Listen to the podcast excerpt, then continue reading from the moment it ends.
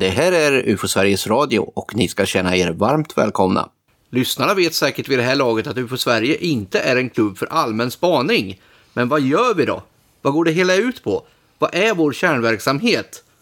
Alltså när vi inte gör tidningar, håller föredrag, knåpar på webbplatsen, skriver böcker eller fixar utställningar. Jag tycker ordet kärnverksamhet får bli ordet för dagen och rubriken på programmet.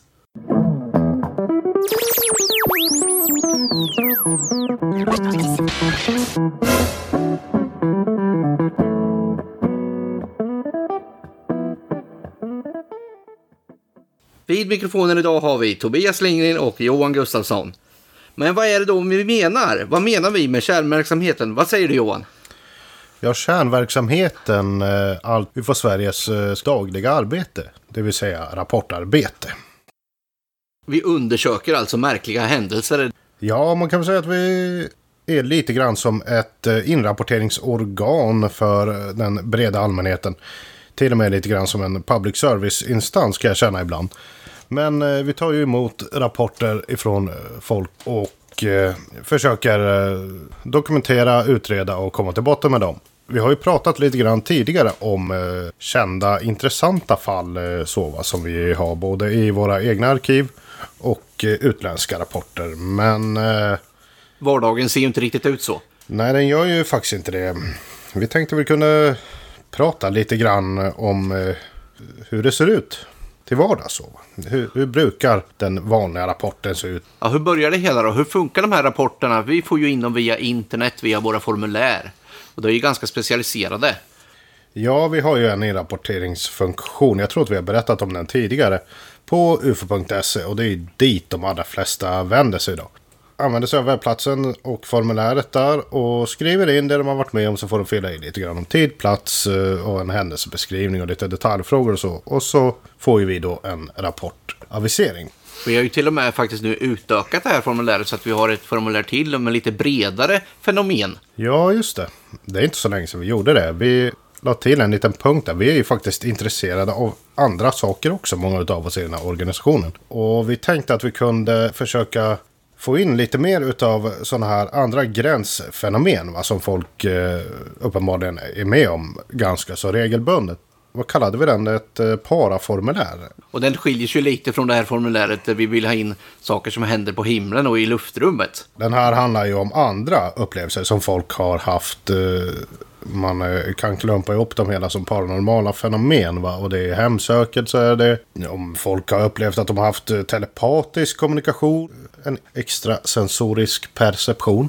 Och det kan vara spökerier och det är, det är ganska brett det här. Ja, precis. Så utnyttja gärna de här formulären om ni ser något eller har varit med om någonting. För vi vill ju ha in allt. Ja, det får ni hemskt gärna göra. Och inte bara eh, lyssnarna själva. Kanske de kan ju eventuellt känna till andra som har varit med om sådana här saker. Och... Ska vi gå vidare och föreställa oss en, en vanlig dag här då, hur det kan te sig i rapportskörden. Vi kan ju börja med rapporter som vi fick in för en vecka sedan. Det var en kille som var ute mitt i natten här. Han befann sig i Göteborg och då får han se en, någonting som liknar en ljusare stjärna som rör sig lite sakta över himlen. Hans bedömning är då först att det, det är varken flygplan eller helikopter. Precis, det här är ju en, en ganska typisk rapport. Va? Nu, nu pratar vi inte några spektakulära händelser här, va? utan det här som vi, det är ett vardagligt typexempel av en rapport som droppar in i UFO Sveriges rapportskörd. Han stod på Göta älvbron eller intill bron där någonstans. Tittade upp.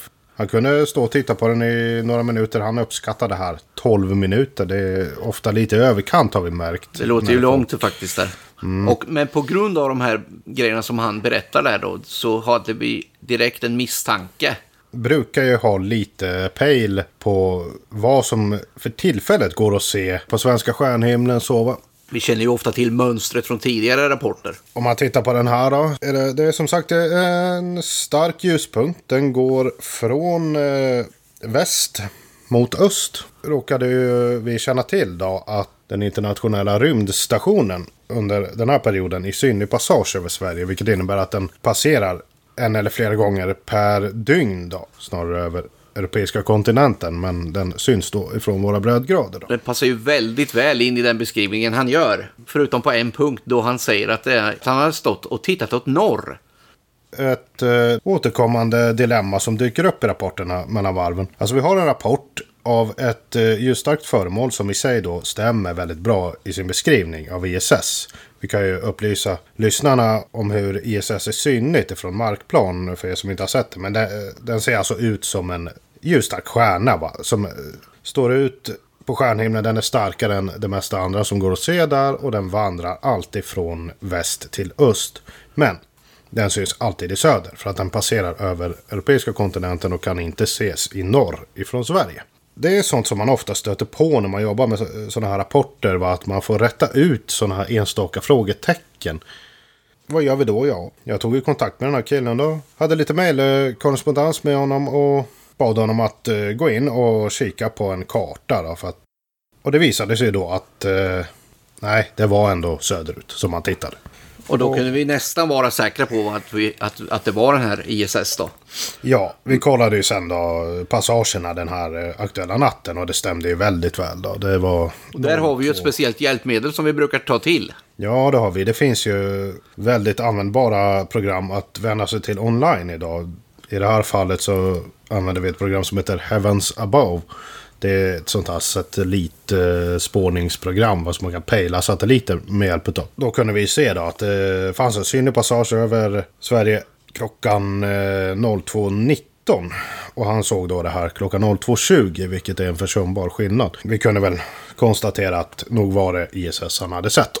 I det läget så berättar vi då för honom att våran slutsats är eh, den här internationella rymdstationen. Hur mottog han det då?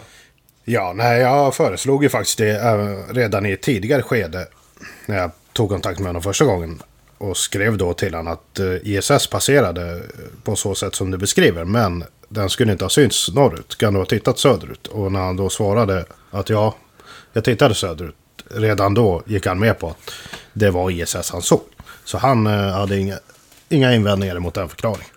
Men han kände inte till ISS sen tidigare eller så? Nej, jag fick inte intrycket av att han var bekant med den.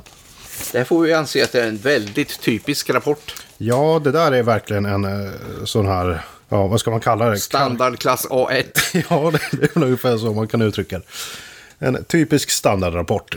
Det är väldigt mycket ljusprickar som är våran vardag. Det är ju ljusprickar, ja. ljusfenomen.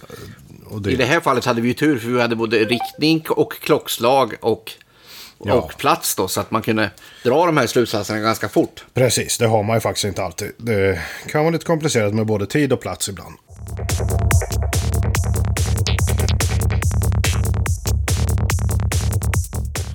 Ja, då kan vi ta en rapport här i högen från november förra året. Den är väl också ganska typisk skulle man säga. Det hände på eftermiddagen. var en observatör som var ståendes i Västberga vid en busshållplats och eh, får se ett konstigt ljussken åt ena hållet. Tar upp, filmar en snutt. Eh, hur, vad händer då? Ja, det här är också ett typexempel som sagt. Eh, vi har inte så mycket information i det här fallet utan vi vet egentligen bara att eh, utifrån den eh, skriftliga beskrivningen då att eh, personen står vid busshållplatsen och ser då ett ljussken upp i luften. Tar upp och filmar. Det är ungefär så mycket historien förtäljer. Men det fanns ju en uh, bild också, eller ett par stillbilder med i rapporten. Vi fick aldrig det här filmklippet. Men utifrån de här stillbilderna så kan man se att föremålet rör sig mellan de olika bilderna. Så det har uppenbarligen rört sig på himlen. Då. Och man kan ändå dra slutsatsen att det är någorlunda lägesbundet. Ja, jag tycker att det ser så ut. Det här som vi ser i den här eh, bildserien. Det är ju ganska talande i sig får vi säga också. Det är väl inte första gången vi ser det där fenomenet på bild. Ett strålkastarljus. Det är ju så att eh, en strålkastare när den eh, vanligtvis lyser upp så är ju folk vana att se den här eh, ljuspelaren mellan strålkastaren och, och eh, exempelvis en månbas. Då. Men eh, det är ju inte alltid som den syns. Va? Utan det beror lite grann på de atmosfäriska förhållandena, hur fuktigt det är och sådär. Och när en stark lampa, en strålkastare, lyser från markplan och slår emot månbasen utan den här ljuspelaren. Då kan det ju se lite konstigt. Då kan det ju dansa runt lite grann på himlavalvet, det här ljuset. Och röra sig lite hipp som happ. Det beror ju på hur man rör på ljuskällan på backen helt enkelt. Och i det här fallet har vi ju inte kunnat lokalisera själva strålkastaren. Nej. Det har vi ju gjort i många andra tidigare fall. Ja, det har ju hänt. Du hade ju Vällandsflyt för några år sedan när du ringde ner till Kungsbacka eller vart nu. Ja, de kunde direkt säga att de hade haft en, en strålkastare på taket. De hade haft jippo. Ja, det kan vara lite besvärligt har jag fått erfara. Det finns så himla många som kan tänkas ha en sån där. Alltså det, finns, det är så många som man ska kolla med. Så det, det är lätt när man kan bara få en bild va, som man utifrån den kan avgöra vad det är för någonting. Och nog 17 var det en strålkastare i det här fallet. Det tror jag att vi kan vara ganska övertygade om.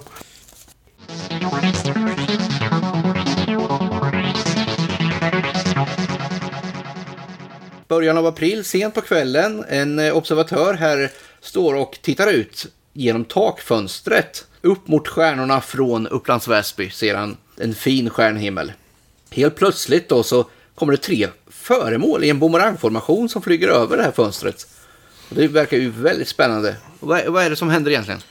Ja, precis. Eh, han eh, står där och så tittar han ut där genom ett sånt här takfönster som vetter längs ena sidan på taket. Va? Då kommer det tre stycken eh, lysande föremål.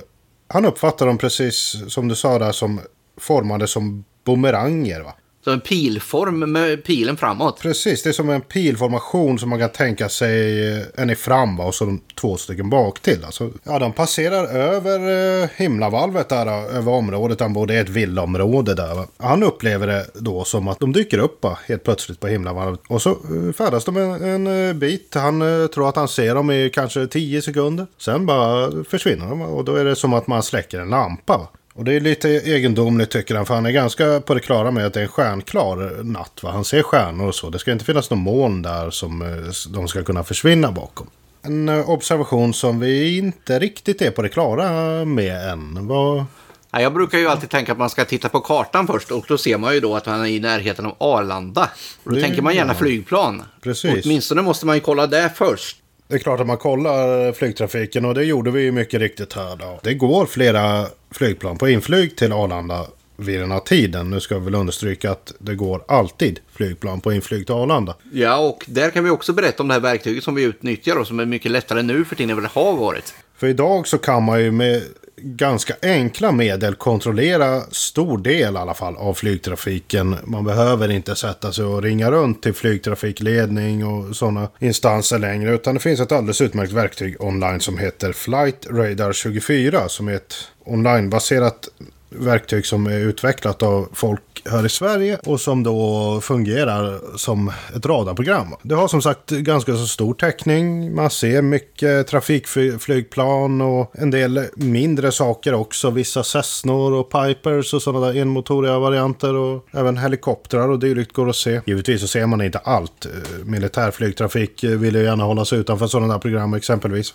Vi kunde ju se mycket av trafiken över Arlanda. Den kunde ju i allt väsentligt uteslutas då. För det är nämligen så att den svänger av och flyger in mot Arlanda på fel sida om hans hus. Den är åtskilliga kilometer väster om det här huset som han befinner sig i då. Och det här takfönstret det vetter då mot öster. Och han står och tittar ut genom det och har totalt blockad sikt västerut. Så han kan inte ha sett de där flygplanen och de passerar aldrig över hans hus heller då. Han kunde väl även berätta om eh, någon viss stjärnbild som man kunde se åt rätt håll. Ja, precis. Eh, Han eh, skrev ju det i sin rapport att han brukar ju se Karlavagnen ur det där fönstret. Va? Han var även behjälplig sen och plockade ut en kompassriktning va? från den här platsen där han stod. Så vi kunde vara ganska säkra på hur han hade sett de här grejerna, i vilken riktning då. Så det stämde inte med de här flygplanen.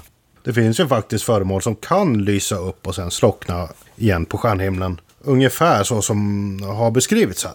Man eh, kan ju se satelliter som beter sig på det viset. De kan ju lysa upp ganska starkt och sen dimma ner och slockna ganska så hastigt igen. Va? Ja, till exempel när de går in i jordens skugga så kan de ju slockna precis som en lampa. Ja, de gör ju det. Och det finns ju faktiskt satelliter som har rört sig i eh, triangelliknande formationer också genom åren. Amerikanerna har skickat upp några spionsatelliter av det slaget. Vi gjorde ju lite kontroller av eh, satellitpassager också i samband med det här. Det finns ingenting som stämmer där så vitt vi har kunnat se. Utan det finns, eh, det var väl några enstaka passager runt den här tiden men de går inte på ett sånt sätt så att de ska färdas i någon eh, slags formation på något vis. Utan det är enstaka passager. Det, nej, det stämde mycket dåligt. Så det finns ingen grund för den förklaringen heller i nuläget. Är det något mer du ser här, Tobias? Någon, någon annan teori som går att utläsa ur... Någonting som kommer flygande och gör ett ljus ifrån sig. Det, min teori när jag tänker på den här triangelformationen skulle kunna vara fåglar faktiskt. Och det för in oss då på den tredje teorin som vi just har varit inne på i alla fall. För eh, fåglar var i min tanke också. De kan ju, särskilt ljusa fåglar, va? sådana här fiskmåsar och sånt som vi har ganska mycket av i städerna nu. Större fåglar som inte flaxar så mycket. De eh, har ju en ganska god reflektiv yta. Va? Och när gatubelysningen inunder då tillfälligt lyser upp dem, de eh, flyger över en, en stark ljuskälla som strålar uppåt av något slag. Va? Då kan de ju reflektera ljuset och bli lite lika det här som han beskriver. Va? Lite, tre, eh, lite bumerangformade så. Va? Och de flyger ju även i formation som de flesta känner till. Så jag spånade runt lite grann där i området. Eh, idag är ju Google Earth ett så himla tacksamt verktyg i vissa sammanhang när man kan åka runt på gatorna och orientera sig med hjälp av deras så kallade gatuvy. Så jag körde runt där i krokarna en sväng och kollade hur det såg ut, vad det fanns för ljuskällor. Och vad ska man säga? Ja, det finns lite grann. Det finns eh, mest gatlampor då, som eh, står, det är vanliga gatlampor, men de eh, strålar mest neråt då, som de brukar göra. Enstaka trädgårdslampor fanns det också. Men sen har vi då de här takfönstren då, som ligger i det här området. Och det är inte bara den där villan som hade takfönster, utan det hade de flesta av villorna där. Och de strålade ju däremot ut ljus som sprids uppåt där ser vi väl en möjlig eh, förklaring, men jag har eh, lite tveksamheter på den punkten också. Jag är inte helt övertygad om att den här effekten skulle uppstå på det viset som har, den har beskrivits där. Så det är lite lämnat åt slumpen tills vidare kan vi väl säga. Det här är en ganska typisk observation. Det stämmer. Den eh, kort varaktighet, tillfälligt ljusfenomen som dyker upp på himlen inte riktigt helt lätt att säga vad det var för något, men märklighetsgraden är ju inte så jättehög i det här fallet heller.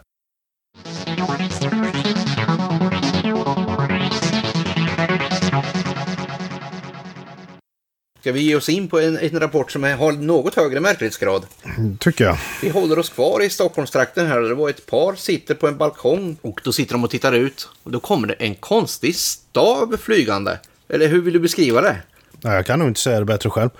Det är väl någon form av eh, avlångt föremål. Och det här är väl den konstigaste rapport vi har fått in eh, på sistone skulle jag vilja påstå. De sitter i ett höghus, de är på åttonde våningen då. Och det är inte så långt ifrån Gullmarsplan så det är eh, centralt, de tittar eh, direkt mot Globen. Då får först kvinnan då se någonting i ögonvrån och det kommer då flygandes dalandes här va. Och det är som ett avlångt föremål som är transparent upplever de det som.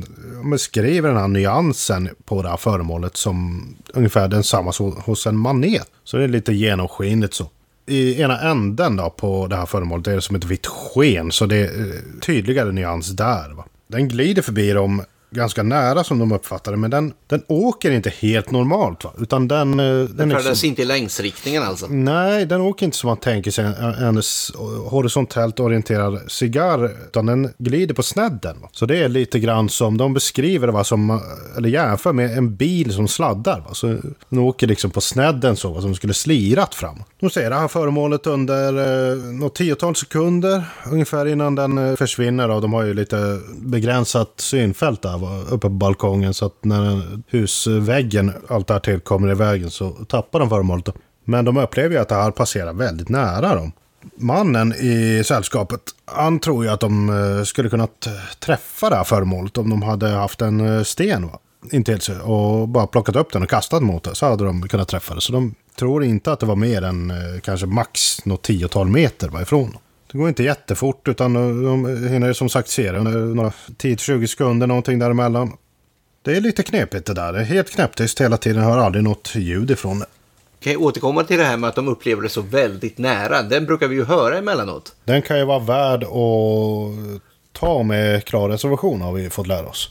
För det är ju trots allt så att våra ögon är ju faktiskt inte något objektivt registreringsinstrument. Det finns inte någon radarsignal som går ut och träffar ett föremål och kommer tillbaka och berättar vart det var någonstans. Utan det bygger på subjektiva uppskattningar och sådana är vi faktiskt inte särskilt bra. Nej, och utan referenser blir det ännu mycket svårare. Mm, ja, precis. Det finns en möjlig referens i det här fallet och det är att kvinnan tror eventuellt att hon såg föremål mot bakgrund av lite mer avlägsen terräng då mot slutet av observationen. Vi har ju sett i andra rapporter hur eh, observatörer har trott att det har rört sig om bara några tiotal meter Medan det i själva verket har befunnit sig på, ja, vi snackar tiotusentals meters höjd. Ja, ännu längre bort om vi snackar om sådana objekt som kommer från rymden. Ja, till och med det. Va? Och då är vi ju inne på meteorer och bolider. Det var ju en eh, tanke som uppkom här. Va? Med tanke på att beskrivningen är inte så våldsamt olik en eh, meteor eller bolid. En bolid är ju en, en större form av meteor. Den är en större sten som dundrar in i atmosfären brinner upp. Och ger ifrån sig ett extremt ljussken. Ja, Och det där ljusskenet kan ju verkligen förvirra folk och då, då de gärna tror att det är mycket, mycket närmare än vad det är. Ja, så, så kan det ju verkligen gå till. Va? Och beskrivningen har ju vissa likheter här med att det är ett sken i ena änden och, och en, en svans. Då. För så kan ju meteorer verkligen se ut. Idag går det ju att kontrollera meteorer någorlunda väl. Va? Uppsala universitet har ju inrättat ett meteornätverk i Sverige. De har sådana så kallade all-sky-kameror. Det är sådana väldigt vidvinklade kameror som kan se hela himlavalvet va? och ser väldigt långt. De är ju installerade just för att fånga meteorer på bild och film. Då.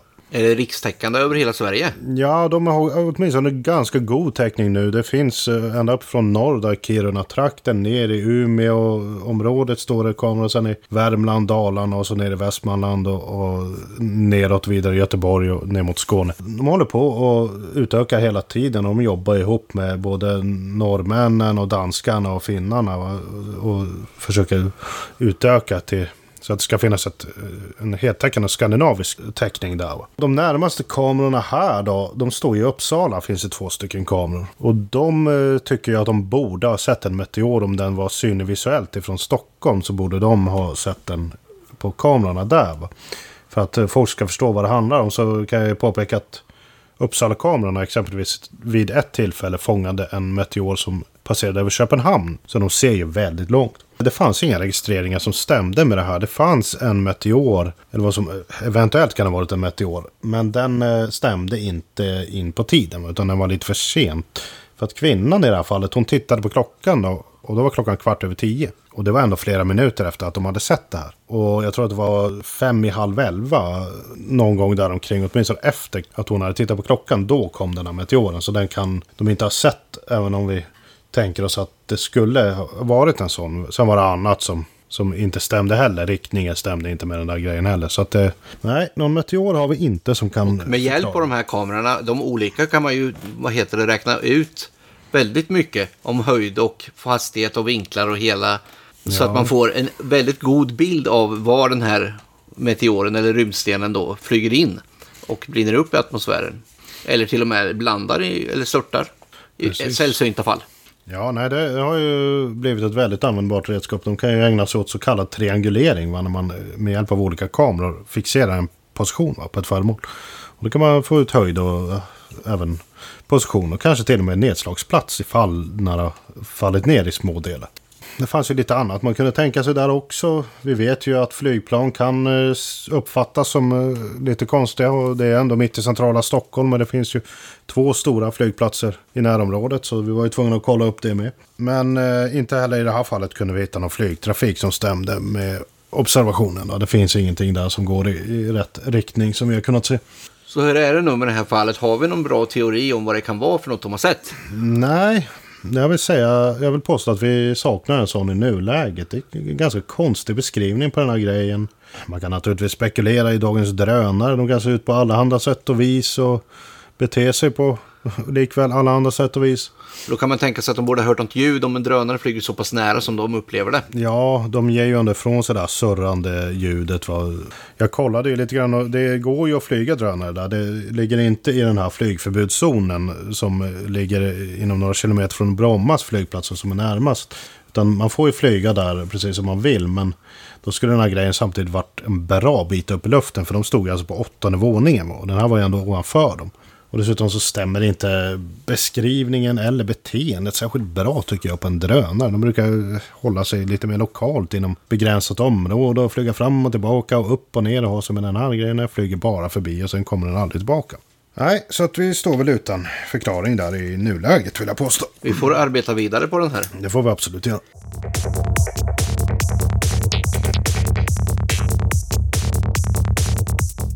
Men vad, egentligen är vi, vårt intresse är ju inte att, att administrera UFO-rapporter hela dagarna. Vi har ju fått det här intresset av någonting. Vi har ju blivit intresserade på grund av märkliga rapporter. Ja, så är det Vi är ju egentligen intresserade av att försöka komma till botten med det här, ska vi kalla det, genuina fenomenet. De här rapporterna med mycket hög märklighetsgrad där det kan röra sig om någonting, någonting outforskat, någonting nytt. Va?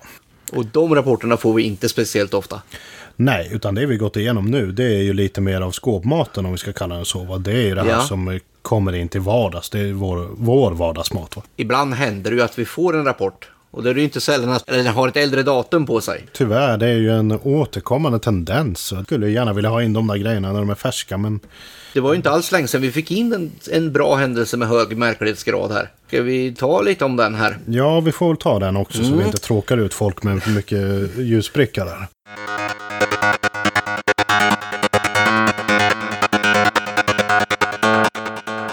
I mars 1994.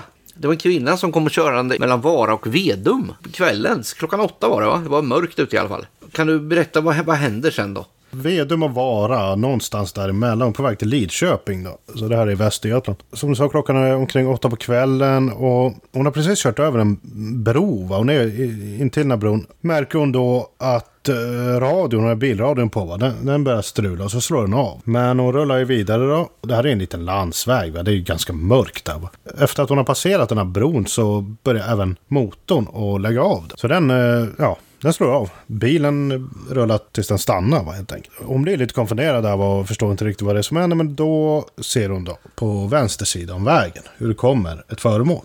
Är det då hon börjar se tre ljus i fjärran först? Precis, eh, det första hon ser är ju de här ljusen i formation. Va? Nu har vi återigen den här triangelformationen. Men det ska bli lite mer av den här visar det sig.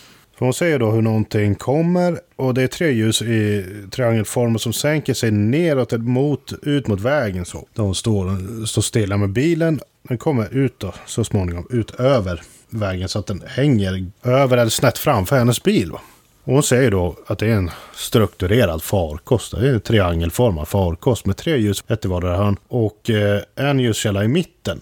Den är ganska stark den här ljuskällan i mitten. Så är det så små ljus runt omkring den. Och så är det som en stark lampa och så flera med mindre eh, lampor runt omkring den. Men hon hinner aldrig bli skraj sådär. Hon vevar ju ner rutan för att lyssna om de hör någonting. Ja, hon har vevat ner rutan. Va? Men hon eh, blir lite ängslig, eller vad man ska säga, när det här kommer närmare. Va? Så då vevar hon upp rutan igen. Eh, nej, men hon sitter ju där väldigt konfunderad naturligtvis. Förstår inte vad det här är för någonting. Hon kan inte säga till oss riktigt hur lång tid hon sitter där. Men händelseförloppet då är ju som så att det här föremålet hänger stilla över vägen och bilen. Efter en ospecificerad tid så börjar det sen röra sig då, ut mot andra, mot höger sida av bilen. Det glider först lite grann, det går ganska långsamt. Successivt så slocknar då delar av den här belysningen på den här farkosten. Va? Det är den här belysningen i, i mitten, som den starka lampan och den mindre runt om. De börjar slockna stegvis då. Och i takt med det så kommer då radion, bilradion och så småningom också när föremålet sen försvinner då, motorn tillbaka. De startar upp och sen försvinner föremålet. Då. En våldsam hastighet, försvinner. Ja, då tycker kvinnan att det går väldigt, väldigt fort. Det har vi hört förut. Det finns ju hur många beskrivningar som helst av det. Det Där- brukar sluta så ofta att den flyger iväg i fantastisk fart. Ja, blixtens hastighet uppfattar hon det som. Det är så hon Ja. beskriver det för mig när jag pratar med henne. Så. Hon kör sen vidare då. Hon ska till Lidköpings lasarett. Bilen går igång alltså. Ja, bilen går igång och radion går igång. Den funkar alldeles utmärkt Men, efter det här. ja. Så ja, hon kan köra vidare därifrån. Men det är någonting mer där sen som hon upplever det. Va? När hon väl kommer fram till, till sjukhuset där, va? tycker hon att det har tagit alldeles för lång tid. Även med den här observationen i åtanke att hon har stått still och tittat på den här grejen en stund så har det tagit alldeles för lång tid. Hon borde ha varit framme mycket fortare två sådana här påtagliga inslag i den här rapporten. Vi har eh, det vi brukar kalla för ett bilstoppsfall då, till att börja med. Det finns ju väldigt många sådana fall runt om i världen och flera i Sverige också tidigare. Där bilar blir påverkade. Det är motor, det är radio, det är billysen som beskrivs i många sådana här fall. Va? Och sen har vi också en så kallad tidsförlust. Då, där det har gått längre tid än vad som har upplevts. Och det har ju ofta tolkats som många som en indikation. Och det har också ofta tolkats då som en indikation på en eventuell ombordtagning då, av många. Det är inte sällan som man har satt folk under den minst sagt tvivelaktiga metoden hypnos i främst USA. Va? Och då försökt få fram information om det som har hänt under den här förlorade tiden. Och det är inte sällan som man har fått fram just en eh, berättelse om en ombordtagning. Säga vad man vill om den saken, det är ett ämne för en egen podd tror jag. Men eh, det är ändå väldigt konstigt det här med just de här tidsförlusterna, vad det är som händer. Så det här är en rapport som vi känner att vi måste försöka gräva lite mer i och dokumentera vidare. Men det är alltså att vi har kommit så långt så att vi kan avfärda att det bara skulle vara en känsla från hennes sida menar jag. Ja, vi har ju kontrollerat lite i alla fall. Va? Nu är det ju problematiskt med de här rapporterna som kommer in så långt i efterhand. Va? Men de kontroller som går att göra idag, de styrker det hon säger. Va? För att jag har ju kollat den här färdsträckan. Då.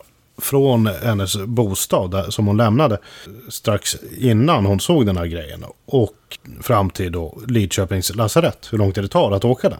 Och enligt de tidsuppgifter som hon ger mig så ska det ha tagit betydligt kortare tid att åka den sträckan än vad, än vad det gjorde. Va? För det går ju att kolla idag med hjälp av Google Earth och sådana program. Och Det är inte svårt alls. Det går att göra en eh, vägbeskrivning. Så att om hennes uppgifter om när hon lämnade bostaden samt när hon anlände till Lidköpings lasarett är korrekta.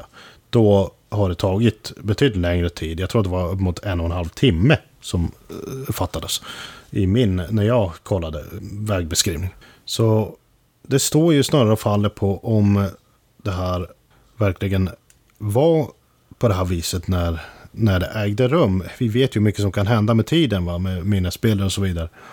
Så att eh, där är det ju svårt så här långt i efterhand att försöka komma fram till någonting definitivt. Men vi kommer försöka dokumentera det hela så gott det går idag i alla fall. Det finns ju heller ingenting som tyder på att det skulle vara någon sorts fabricerad eh, berättelse. Hon faller ju verkligen inte in i mönstret för en bluffperson. Absolut inte. Jag Nej. har haft ett långt samtal med den här kvinnan och hon är fullt sanningsenlig. Jag har absolut ingen anledning att ifrågasätta att hon verkligen har varit med om det här. Åtminstone att hon upplever att det gick till precis så som hon berättar. Ja. Ja vi kommer väl inte så länge, långt med just den händelsen nu, men vi kan ju konstatera att det är en sån här verklig händelse av hög märklighetsgrad. Ja, det tycker som jag. Vi tycker är roliga och som vi tycker är intressanta och som, som gör det värt att gräva i ufo-berättelserna som vi får in. Ja, det här är en sån här eh, som man verkligen vill eh, gräva vidare i och som vi är intresserade av. Det är det som triggar vårt intresse. Sen måste vi ta in allting. Vi måste ju låta folk rapportera precis allting. För att vi ska... För att vi ska in. hitta de här naturligtvis. Ja. Ja, vi precis. vill ju inte att man ska gömma de här i byrålådorna. Nej. Nej då kan man ju undra här varför man väntar så länge med att berätta.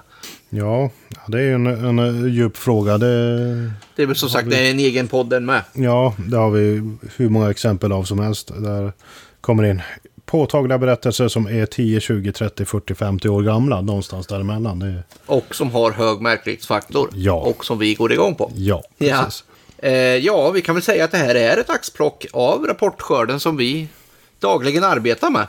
Ja. Mm. Tycker du att du vill tillägga någonting? Nej, alltså jag tycker vi har fångat... Uh, Lite några... av essensen av det vi håller på med. Ja. Det som är grunden, det som verkligen är kärnverksamheten. Precis, hur det kan se ut. Va? Det är allt ifrån högst banala ljusprickar som ändå är dominerande. Va? Och lite mer eh, småknepiga fenomen men ändå inte med någon jättehög märklighetsgrad till de här absolut konstigaste rapporterna av allt. Va? Och man kan ju säga det att vi jobbar alltid parallellt med sådana här saker. Det finns alltid exempel av alla de här sorterna på eh, våra aktiva bord. Då. Ja, så tycker man att det här är väldigt intressant och vill kanske undersöka sådana här rapporter själv så hör av er till UFO Sverige så ser vi till att ni, att ni kan få prova på lite grann.